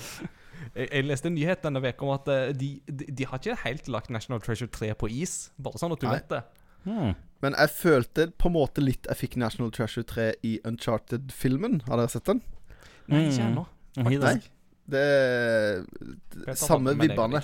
Ja. Mm. Jeg, jeg koser meg, og den koser meg Ja. gløgg. Men jeg har venner, og kanskje aller mest kona mi, som sitter sånn Nei, åh, så teit. Åh, nei, dette var jo usannsynlig. Så jeg er sånn Det er ikke poenget! Du skal være gøy! Sånn, kan du ikke bare nyte det for det det er? Det Nå skal du humre! ja. Hvis Indiana Jones går inn i et kjøleskap og overlever en atombombe, så er det gøy. Det er det som teller. Helt riktig. Helt fram til det involverer noen romvesen-hodeskaller. Ja, ja, altså vi, vi glemmer den siste halvtimen av den filmen. Men ja, ja, ja, fram til det så var det gøy. Mm. Men jo, spill. Ja. Eh, alle selger spill, selvfølgelig. Eh, en ting jeg på en måte Jeg skulle på en måte litt ønske at jeg kunne spille um, Tony Hawk 2 og 3 på nytt. Uten at jeg på en måte måtte lære meg å spille, spille på nytt, men at jeg ikke visste hvor hemmelighetene var. Det blir jo litt det samme, da. At jeg ikke visste hvor Secret Tape var, at jeg ikke på en måte kunne banene. At jeg på en måte fikk eh, Ja, den opplevelsen på nytt, men uten å være dårlig, da. Hvis du skjønner hva jeg mener. Jeg, jeg, har ikke, jeg har ikke egentlig interessen av å putte inn timene for å bli så god som jeg ble av å putte inn timene fordi det var gøy da. Mm. Men eh, ja. Så eh, jeg kunne jo sikkert hatt mange spill, men uh, øverst på den lista Ocarina of Time. Mm. Sweet. Mm. Peter? Ja, altså det var jeg som kom med spørsmålet, men jeg syns det er Det er også det er forferdelig vanskelig. Uh, men det, det er et spill som jeg på en måte kommer tilbake til. Um, og uh, da er det jo Witcher 3. Ja. Eh, henger veldig høyt på den lista over uh, spill som er Det har vært så herlig å spille på nytt. Samtidig, det er så bra og det er så stort at det gjør meg veldig lite å spille Spille flere ganger. Uh, hadde du spurt meg i 2018 så hadde jeg vært i tvil, og 2019 så hadde jeg vært i tvil. For uh, da hadde jeg spilt den for første gang og fikk jo en utrolig kjip slutt. Eh, så, så, bare, så bare tanken på Witcher 3 gjorde meg jo grisedeprimert. Uh, jeg tilga meg aldri sjøl aldri den eh, slutten der helt jeg spilte på nytt i 2020. Uh, men ja, Witcher 3 er veldig høyt. Eller så er det en sånn enkelt eh, Doom, eksempel.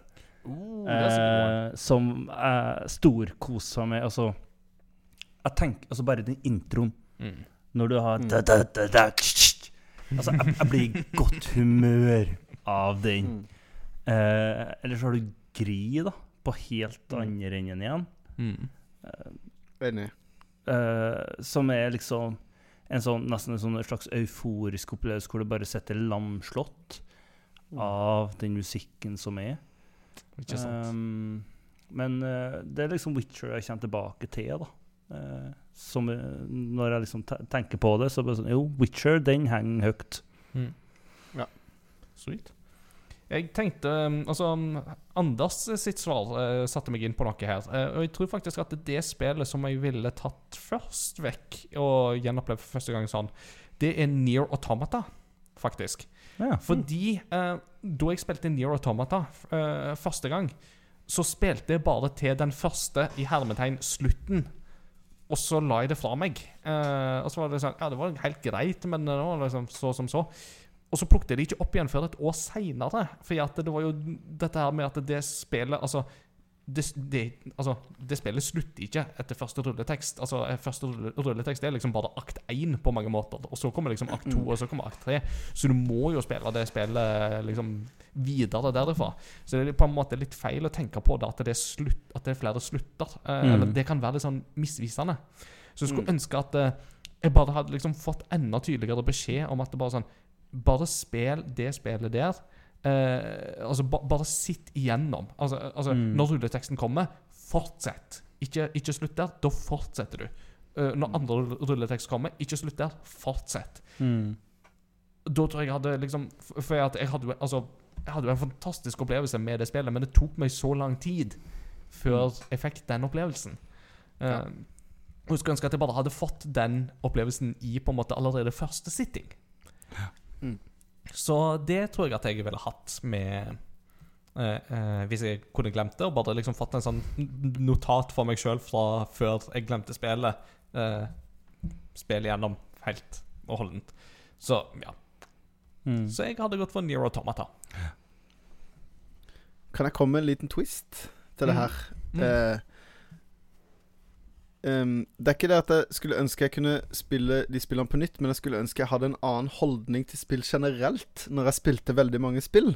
Mm. Mm. Fordi at jeg, Det har jeg snakka om før òg, at jeg har i mange år så følte jeg på en sånn der eh, eh, eh, um, Kall det en slags underlegenhet ved at eh, jeg, det var mange spill jeg ikke fullførte, eller jeg ble lei, eller jeg på en måte glemte de litt bort. Mm. Og jeg skulle ønske jeg kunne spille de spillene og legge de fra meg når jeg var forsynt, og være fornøyd med det, og ikke gå rundt med en sånn dårlig samvittighet om at jeg ikke spilte det nok, eller at jeg ikke likte det nok, eller eh, sånne ting. For det jeg, jeg, jeg fullførte aldri Skyrim, for eksempel, men jeg hadde det dødsgøy i 30 timer. Mm. Mm. Men jeg gikk, jeg har, gikk i årevis med en sånn dårlig samvittighet for at jeg ikke fullførte det, og at jeg var på en måte ikke god nok gamer til at jeg bare saw it through, på en måte. Mm. Uh, det hadde kosta meg for så mye eh, Det hadde spart meg for mye eh, waste of energy å gå rundt og være bekymra for de tingene der. Ikke sant? Ja, Jeg syns det er en fin note å A good note to close, uh, Mm. close on, uh, rett og slett. Hvis uh, dere hørte på nå og syns at det, hørtes spennende ut å være med på å svare på lytterpostene våre, så er det bare å bli med i en av våre sosiale kanaler. eh, Facebook eller Discord det er de beste kanalene for å svare på lytterposter. Eh, og begge lenker til begge, både Facebook og Discord finner du på crossovergaming.no.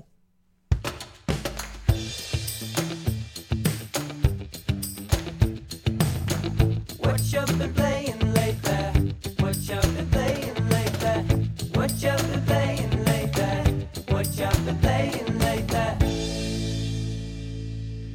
begynner det å bli noen uker og et par måneder siden vi hadde deg med sist, Mats Jakob. Så nå er jeg veldig spent på hva du har spilt i det siste. Eh, for både Tunic var jo kjempespennende, men eh, jeg Mm. tror altså Hvis jeg kjenner deg rett, det er ikke det eneste du har spilt. uh, nei, det er ikke det eneste jeg har spilt. Det er det siste jeg har spilt. Uh, eh, for å gå eh, lengst bak, eh, så spilte jo vi inn en Game of the Year-episode. Og Mm. uh, rett etter vi hadde spilt inn den Game of the Year-episoden, så spilte jeg mitt Game of the Year. Uh, og posta det jo i discorden at uh, Stopp pressen, uh, dette er mitt Game of the Year. Og det er et spill som heter Eastward. Eller Eastward, så Mm. østover. Mm. Som er et Ikke så overraskende et litt sånn retroinspirert rollespill. Hvor du spiller som en gammel mann som jobber i en gruve. Det er en litt sånn dystopisk eh, verden hvor eh, folk lever adskilt i, i på en måte ulike deler av verden, men tror ikke at noen andre deler av verden har folk lenger. Altså at Mm. verden har gått under, men det er bare vi igjen. Og så er det flere som reiser rundt, men så viser det seg at noen vet jo om dette, og det går jo faktisk et tog. Eh, det toget som raser gjennom tunnelen vår, det er ikke et spøkelsestog, det er et tog som faktisk drar til en annen destinasjon. Hm. Men eh, denne mannen du spiller som, er en eh, silent protagonist som eh, bruker en stekepanne som våpen. Og jeg jobber i gruvene og finner da en jente i gruva som ligger i en kapsel, og denne jenta har jo da magiske evner. Og du spiller både, som begge to. Både hun jenta og han eh, mannen. Eh, og han på en måte adopterer denne jenta, og folk syns jo dette er veldig rart. At den er litt rare, stille mannen adopterer en søt liten jente som skravler hele tida. eh, og jeg beskrev dette spillet som en sånn eh, perfekte ekteskapet mellom et SNES-RPG og en Ghibli-film.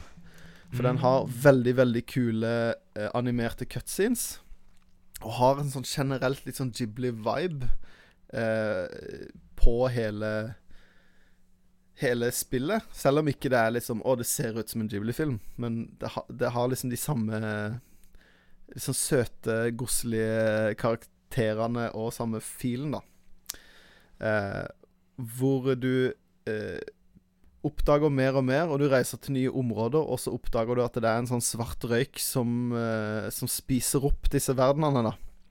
Mm. Og selvfølgelig, siden du spiller et spill, så er det jo Men når du kommer dit, så skjer det noe, og da begynner de å, den røyken å ta over, og så til slutt så spiser han det området, og så må du rømme til neste område, og så progre, pro, går progresjonen sånn. Eh, men det syns jeg var et fantastisk sjarmerende og veldig gøy spill. Og litt sånn, eh, sånn klassisk action-RPG, Ja, color me interested.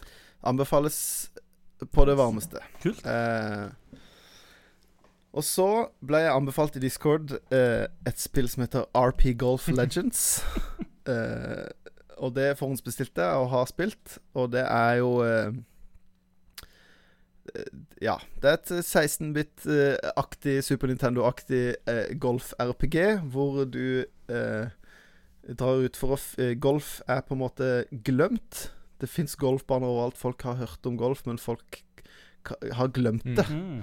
Og så er du ute og fisker, og så fisker du opp en sånn golf... En driver-fe. En fe som er en liten driver, som lærer deg om golf.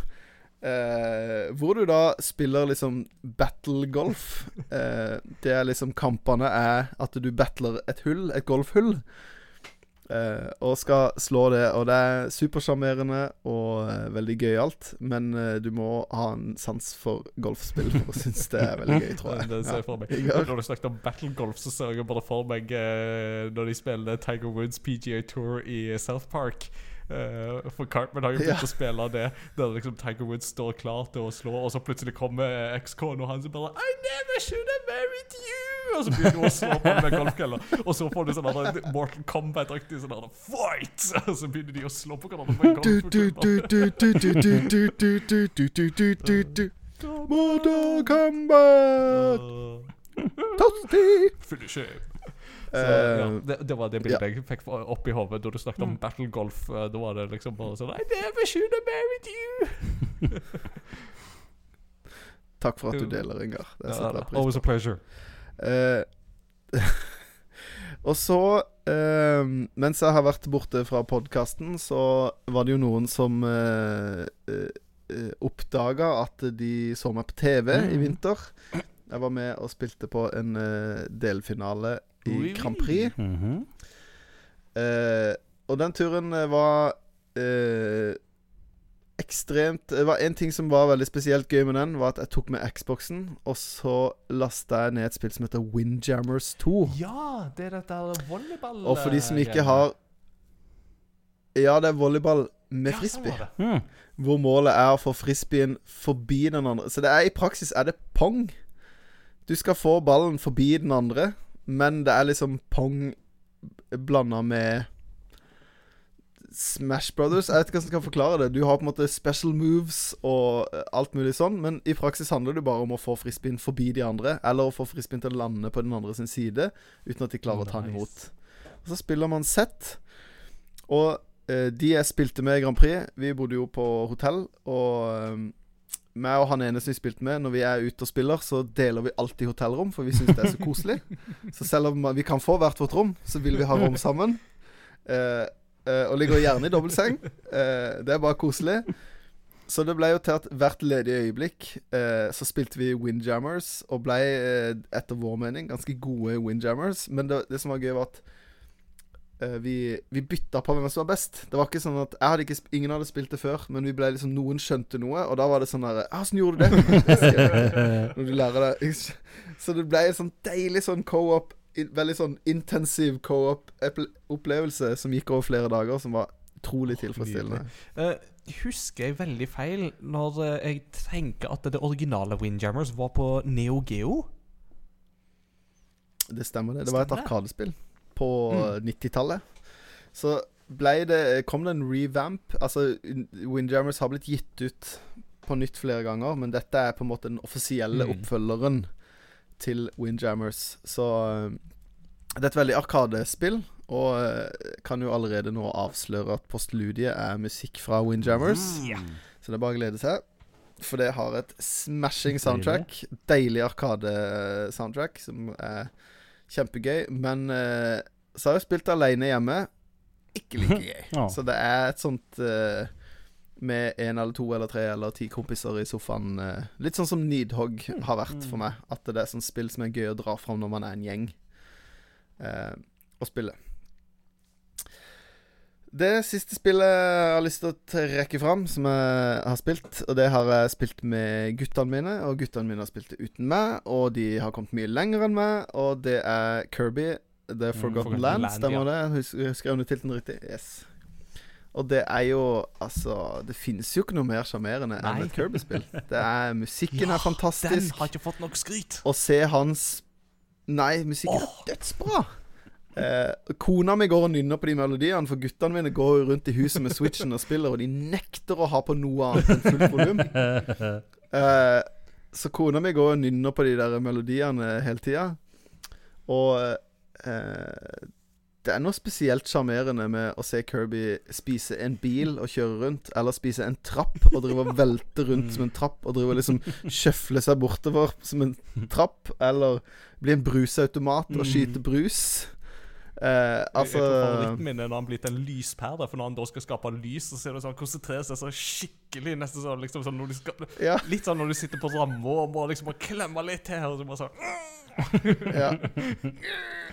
I- Ja. Litt sånn Yoshi. Ja, litt sånn Yoshi. Det var et bedre eksempel enn det sånn der rammebilde. Takk for bildet. Takk for Ja, ja. bildet. Mm. Can't unsee. Eh, men eh, eh, det er et spill som jeg syns er dritbra. Og det er et spill som fireåringen min syns er Mm. dødsbra. Sånn at det er på en måte Kirby fanger alle. Det er noe universalt med Kirby som er bare utrolig digg. Og så er det ehm, perfekt for meg som er litt completionist og har lyst til å klare å finne alle disse her små vennene du skal finne i hver bane, og finne hemmelige veier og alt mulig. Og så er det perfekt for fireåringen min som bare har lyst til å druse gjennom alle banene. Og hver gang han kommer til en boss, så sier han 'Pappa, kan du hjelpe meg?' Så sier jeg 'Ja, snart'. Og så fem minutter etterpå er. Fordi at det er bare sånn Ja, hvis så lenge jeg har den der fire flamethrower-abilityen, så Mm. går det som regel greit. Eh. Men eh, det er Jeg har sikkert spilt noe som jeg har glemt, men dette er de spillerne som de siste åtte månedene har gjort eh, inntrykk på meg. Så bra. Mm. Kult. På et vis. Ja. Um, Verken jeg eller Peter har jeg, har jeg har ett nytt spill å bringe med. Uh, Peter, du nevnte på at du hadde ikke så mye nytt, men jeg har iallfall et nytt jeg- spill som jeg kan uh, trekke fram. Jeg har fullført et spill. Ja, du har fullført. Du har vel fullført Guardians of the Galaxy? Det har jeg. Yeah. Det Kult. var en sann glede. Oh. Ikke å fullføre, men å spille. Og Eh, snakke om eh, gode soundtracks. Det spillet der, det der mm, 80-talls metal-albumet som de har laga Mm. ens ærend for det spillet. Altså, Mads Jakob, hvis du ikke har hørt det ennå, oh, det må du bare høre. Bare gå på eh, Spotify og søk opp Starlord, så får du opp uh, mm, det, det, dette albumet. Det er sånn skikkelig sånn 80-talls eh, prog eh, metal eh, med litt sånn her eh, Metallica Unforgiven-ballader Mm. innimellom. Og det er sånn Nei, det er, ny, det er nydelig. Deilig. Alle koser meg så mye med å stenge et kjøleskap noen gang. Det, og hele Hele den viben som du får i det spillet, er så nydelig. Og noen av karakterene du treffer i spillet, er bedre i spillet enn i filmen. Og det er jo utrolig kjekt. Mm, tøft. Mm. Eh, for det er jo veldig skummelt å lage et spill som så mange, når så mange har så forkjærlighet til filmene, for de er utrolig bra. Mm. Også det å skal prøve å lage uh, altså Det er jo litt sånn uh, Rins herre-serien. Altså, jeg syns de er modige, de som er regissører der. For det er så mye meninger ute og går. Uh, men eh, i hvert fall i Guardians of the Galaxy, der lykkes de meget godt. Ikke sant. Ja. Og ellers så er det Rocket League og LOL og Alt det vanlige. Ja, Men kos meg, da. ja da. Det er, det, er, mye, det er mye fint der òg. ja, det er mye fint. Jeg har jo Mm. kjørt litt Overwatch sjøl, og det er fint. Eh, jeg har spilt litt mer Nintendo Switch Sports. eh, eh, når jeg endelig får prøvd fotballfunksjonen. Ja. Det var liksom litt sånn Rocket League light på en måte, og tja Det var liksom Det var helt greit, men det er sånn Der må du liksom ha to joycon, så det liksom krever litt mer knappetrykking enn eh, enn det som på må mange måter er idealet, da, syns jeg, for et sånn sånt type spill. Så, så jeg syns ikke det ga så mye. Og jeg må si at eh, Altså, Switch Sports er veldig gøy, uh, absolutt. Uh, men jeg savner golf. Uh, vi burde hatt golf allerede fra starten, så jeg venter på den til høsten, altså. Det blir gøy. Jeg har uh, også valgt å vente Ja, det kan sikkert være lurt. Men jeg har spilt et eh, nytt spill som jeg har anmeldt for Game Rector, som heter EU Den Chronicle Rising. Uh, og for å ta litt uh, bakgrunnshistorien her eh, På originale PlayStation så kom det en spilleserie som heter Sykoden. Som jeg har ikke testa det sjøl, men blant de som liker japanske rollespill med strategiske element, så er særlig Suikoden 2 opp, eh, anerkjent for å være kanskje liksom et av de aller, aller, aller beste spillene. Det er sånn det, det er sånn legendestatus. Det er fra den tida Konami lagde liksom kvalitetsspill uten sidestykke. Um, etter Psykoden 2 så var det han som skapte den serien. Han forlot Konami. Eh, og vi vet jo alle at i dag så lager ikke Konami noe særlig gode spill lenger. De er mest opptatt av NFT-er og treningssentre og den slags eh, type ræl. Unnskyld. Og Yu-Gi-Oh! Ja, og pachinko-maskiner, ikke minst. Uh, men uh, han skaperen av Psykoden eh, fikk med seg noen andre Psykoden-veteraner på laget. Så gikk det til Kickstarter, og så sa de at vi har lyst til å lage en åndelig oppfølger som heter EU-den. Eh, altså der EU er jo det japanske ordet for en helt, og den er jo første stavelsen i densetsu, altså legend. Så basically en sånn Hero Legend Chronicles. Og dette to, altså etter tre eller fire timer så hadde de fått den, den summen de ville ha. Uh, og dette prosjektet endte jo opp med å bli det tre beste folkefinansierte spillet på Kickstarter. Kun slått av Shenmue 3 og Bloodstained Ritual of the Night. Eh, så, fordi de fikk så mye penger til å lage EU Den Chronicle 100 Heroes, som kommer til neste år, så fant de ut at eh, du, vi kan lage et sånn companion-spill, altså et sånt uh, sidespill, uh, fordi vi har nok ressurser til det. Så da har de laga en sånn todimensjonal, altså 2,5D sidescrolling action platformer, som heter EU Den Chronicle Rising, og det er det som jeg har spilt nå. Og det er overraskende gøy. Du er i en, på en sånn by litt sånn ute på liksom The Frontier. Eh, som eh, har blitt litt skada etter et jordskjelv. og sånt, Så de har funnet ut at vi skal åpne den lokale gruva der det er masse skatter og sånt for eventyrere, mot at de da må betale liksom store mengder skatt. Eh, så spiller du ei ung jente som heter CJ, som kommer dit. Og hun er liksom bare ekstremt naiv, ekstremt blåøyd og har liksom bare tidenes pågangsmot. Og liksom ingenting som kan knekke henne. Tenk litt sånn Luffy i OnePiece. Bare liksom Dette har jeg aldri gjort før, så det klarer jeg helt sikkert. Litt sånn Pippi Langstrømpe uh, møter Luffy, nesten, egentlig. Uh, og så får hun Deilig. med seg en uh, brysk eh, kenguru som heter Garoo. -hmm. Og så får hun med seg en magiker som heter Isha. Og så går de rundt i lokale skoger og gruver og snøkledde fjell og slåss mot monstre, samler skatter og kommer liksom nærmere til bunns i det lokale mysteriet. Eh, dette er da litt sånn todimensjonal plattformer og um, utforskingsspill kombinert med litt sånn citybuilding. Fordi at i denne byen så er det veldig mange som trenger din hjelp, eh, og du får sånn du får liksom en liten belønning hver gang du hjelper dem, og så blir på en måte byen også større etter hvert som du hjelper dem. Og på mange måter så har liksom dette spillet har en sånn gameplay-loop som er veldig sånn komfortabel. Som er bare sånn Det er ikke noe veldig nytt eller revolusjonerende de gjør, men det er bare det at det, den loopen føles så veldig deilig og så digg. Eh, Mm. kombinert med skikkelig god musikk. eh, og ja Hvis jeg skal sammenligne med noe, så vil jeg si at det føles litt som We spiller Muramasa The Demon Blade, som er en sånn klassiker. Bare at Muramasa var jo mye mer på en måte fast-paced action. Her, er, her går det litt roligere. Men litt av den der samme gameplay-følelsen fikk jeg her, da, og det var en sånn veldig positiv ting. Mm. Uh, jeg tenkte på to spill når du beskrev det spillet her. Har du spilt ActRacer? I, eh, nå må jeg tenke Actracer Ja, jeg har jo det. Ja, jeg, jeg har spilt det nye som Ja. kom. Altså Det of Renaissance. Det spilte jeg. Ja. Så ja. Ja. For, for det originale ActRacer er jo sånn Du spiller action platforming, og så har du sånn der landsbybygging. Mm. Og så tenkte jeg på uh, Dark Cloud, eller Dark Chronicle, som det heter eh, Det har jeg ikke spilt, men jeg kjenner jo til det. Det er jo Level 5 Nei. eh, sitt uh, gjennombruddsspill. Ja. Men det er også samme greia. Du går i en dungeon uh, som er tilfeldig generert, og så når du kommer ut, så på en måte har du funnet noe Souls-ting, og da Å, det var denne bygninga, og så kan du på en måte plassere den hvor du Ja. vil i den byen. Kult. Ja, du Ja. har ikke den friheten med liksom fri, helt fri bybygging, men det er jo liksom sånn Hvis du hjelper den og den personen, så, så, så, tar de og setter opp liksom en armor shop, og så får du en sånn fantastisk sånn animasjon av en sånn carpenter som bare står og så bare bang, bang, bang, bang, saker, saker, saker, saker. Huh, ferdig. Å, deilig. det, det er forresten en ting. Dette spillet har utrolig mye sjarm, og det har veldig mye humor. Og det er så bra oversatt. Kult. Altså, Det har så glimt i øyet i oversettelsen at jeg sitter jo og flirer for meg sjøl opptil flere ganger. Eh, og en sånn um, liten sånn semikuriositet er jo da at han Garoo Han har det jo som en kenguru. Han har ikke bare ei lomme på magen, men han kan liksom ha et sånn digert sverd som han drar ut av den magen. Så det, så det viser seg at den lomma har jo bare sånn uendelighet med liksom rom. Og det er bare sånn Hvor i all verden har du fått den ifra? Nei, jeg fikk det fra en eller annen sånn blå katteting. Det er ikke så farlig. Det er jo da selvsagt en referanse til Doraemon, eh, den klassiske japanske animefiguren Ah. som har den lomme på The four dimensional pocket på magen, så jeg kan dra den ene tingen ut eller den andre ut av.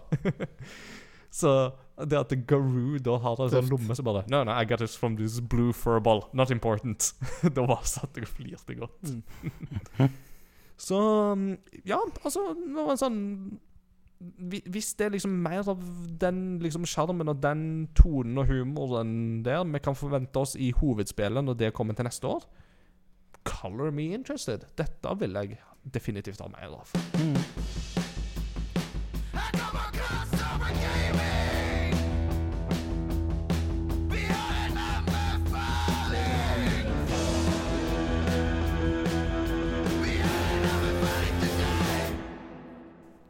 er jeg veldig spent på å høre hva du har anbefalt til oss, Mats Jakob. Ja, nå føler jeg jo jeg på en måte litt sånn indirekte har anbefalt ett spill veldig, og anbefalt noen andre spill sånn eh, indirekte. Så jeg har valgt å anbefale en TV-serie jeg har sett, eh, som jeg har syntes har vært eh, eh, veldig gøy lagd, men òg veldig bra. Det er en serie på HBO som heter Winning Time. The Rise of the Laker Dynasty. Som handler om eh, mannen som kjøpte eh, LA Lakers på eh, slutten av 70-tallet. Og på en måte tok de opp dit de var, og på veldig mange måter er liksom gudfaren til den moderne underholdningsbransjen som er rundt Ja. basketball. Eh, og denne personen er jo da selvfølgelig spilt av John C. Riley, som gjør en helt fantastisk figur som, eh, som mannen Dr. Buss. Eh, som er da han som eh, kjøpte Lakers. Og han var en eiendomsmogul som fant ut at eh, jeg ville kjøpe et eh, basketballag. Så han, solgt, han bytta alle eiendommene han hadde, mot eh, basketballaget LA Lakers. Eh, og det er sinnssykt bra casting. Det er kjempegøy. Eh, historien er gøy, spesielt kanskje for oss som ikke kjenner til historien. Uh, fordi at jeg er jo ikke basketballinteressert. Sånn at jeg aner ikke om de vant uh, uh, NBA-tittelen i 1980. Så for Mm. meg er det jo spennende om de vinner. Det er jo ikke tilfellet for de som er basketinteressert, se den som allerede vet om de vant eller ikke.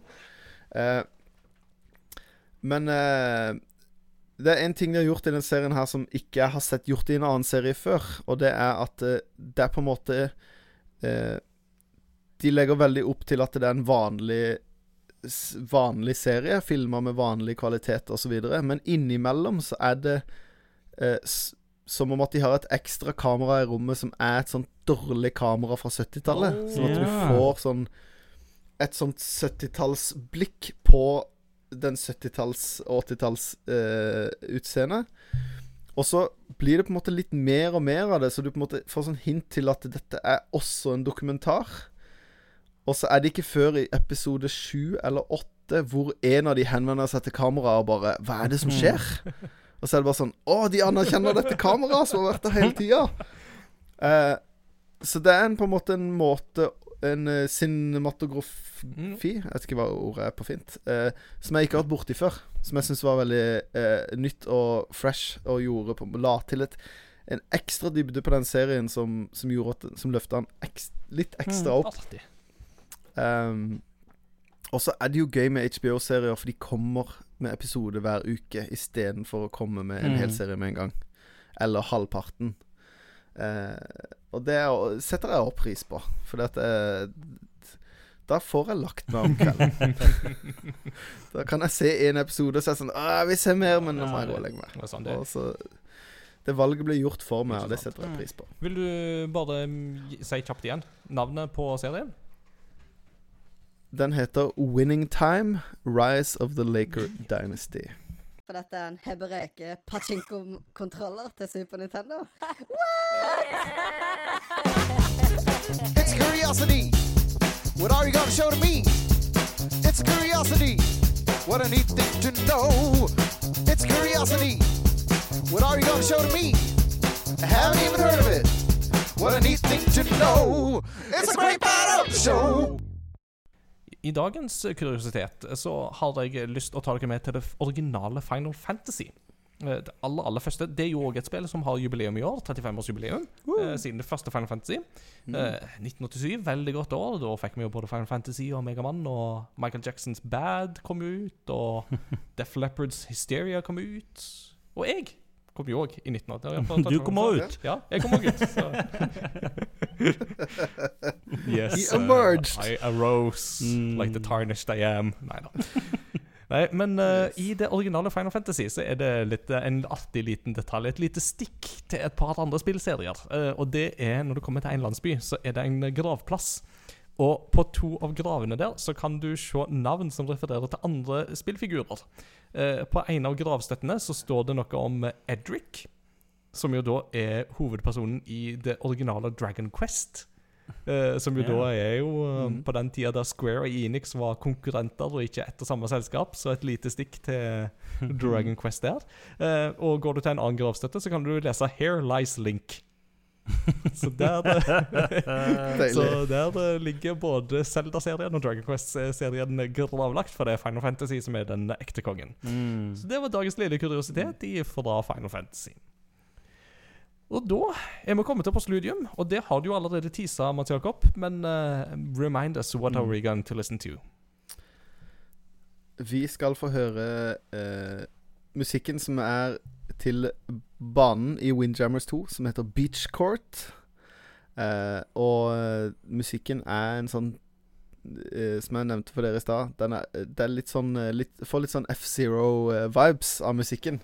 Det er musikk eh, som girer deg opp og får deg til å ha lyst til å vinne og eh, Perfekt musikk til et sånt spill. Nydelig. Smooth. Nice. Konge. Eh, da gleder jeg meg til å høre på det. Um, og, og så um, Nå i år så blir det jo ikke en E3-messe. Uh, det blir det jo ikke. Men det blir jo spredd litt utover litt sånn forskjellige spillrelaterte ting og tang. Så jeg har tenkt at uh, om to ukers tid så tar vi en høymesse. Ikke en E3-høymesse, men en Summer Gamefest-høymesse. For i alle fall Xbox og Bethesda har hatt en presentasjon innen eh, vi spiller inn neste episode. Så jeg tenkte Mm. at eh, da, da kan eh, vi samles, og så kan vi jo snakke litt om de spillene vi har sett da så langt. Og så tar vi det som en sommeravslutning. Det er iallfall det jeg har tenkt. Så det blir iallfall en episode til, folkens, før vi tar helt ferie. Whoop, whoop. Det blir artig. Mm. All right. Uh, kjekt å ha deg med igjen, Mats Jakob. Uh, yeah. Thank you. Mm. Det var gøy å være tilbake. Fra Le Garage i eh, Kristiansand og fra mm. eh, peisestua på Studentheimen i Oslo så sier vi tre takk for nå, og vi snakkes ved neste korsvei. Ha det bra. Ha det bra. Ha det bra.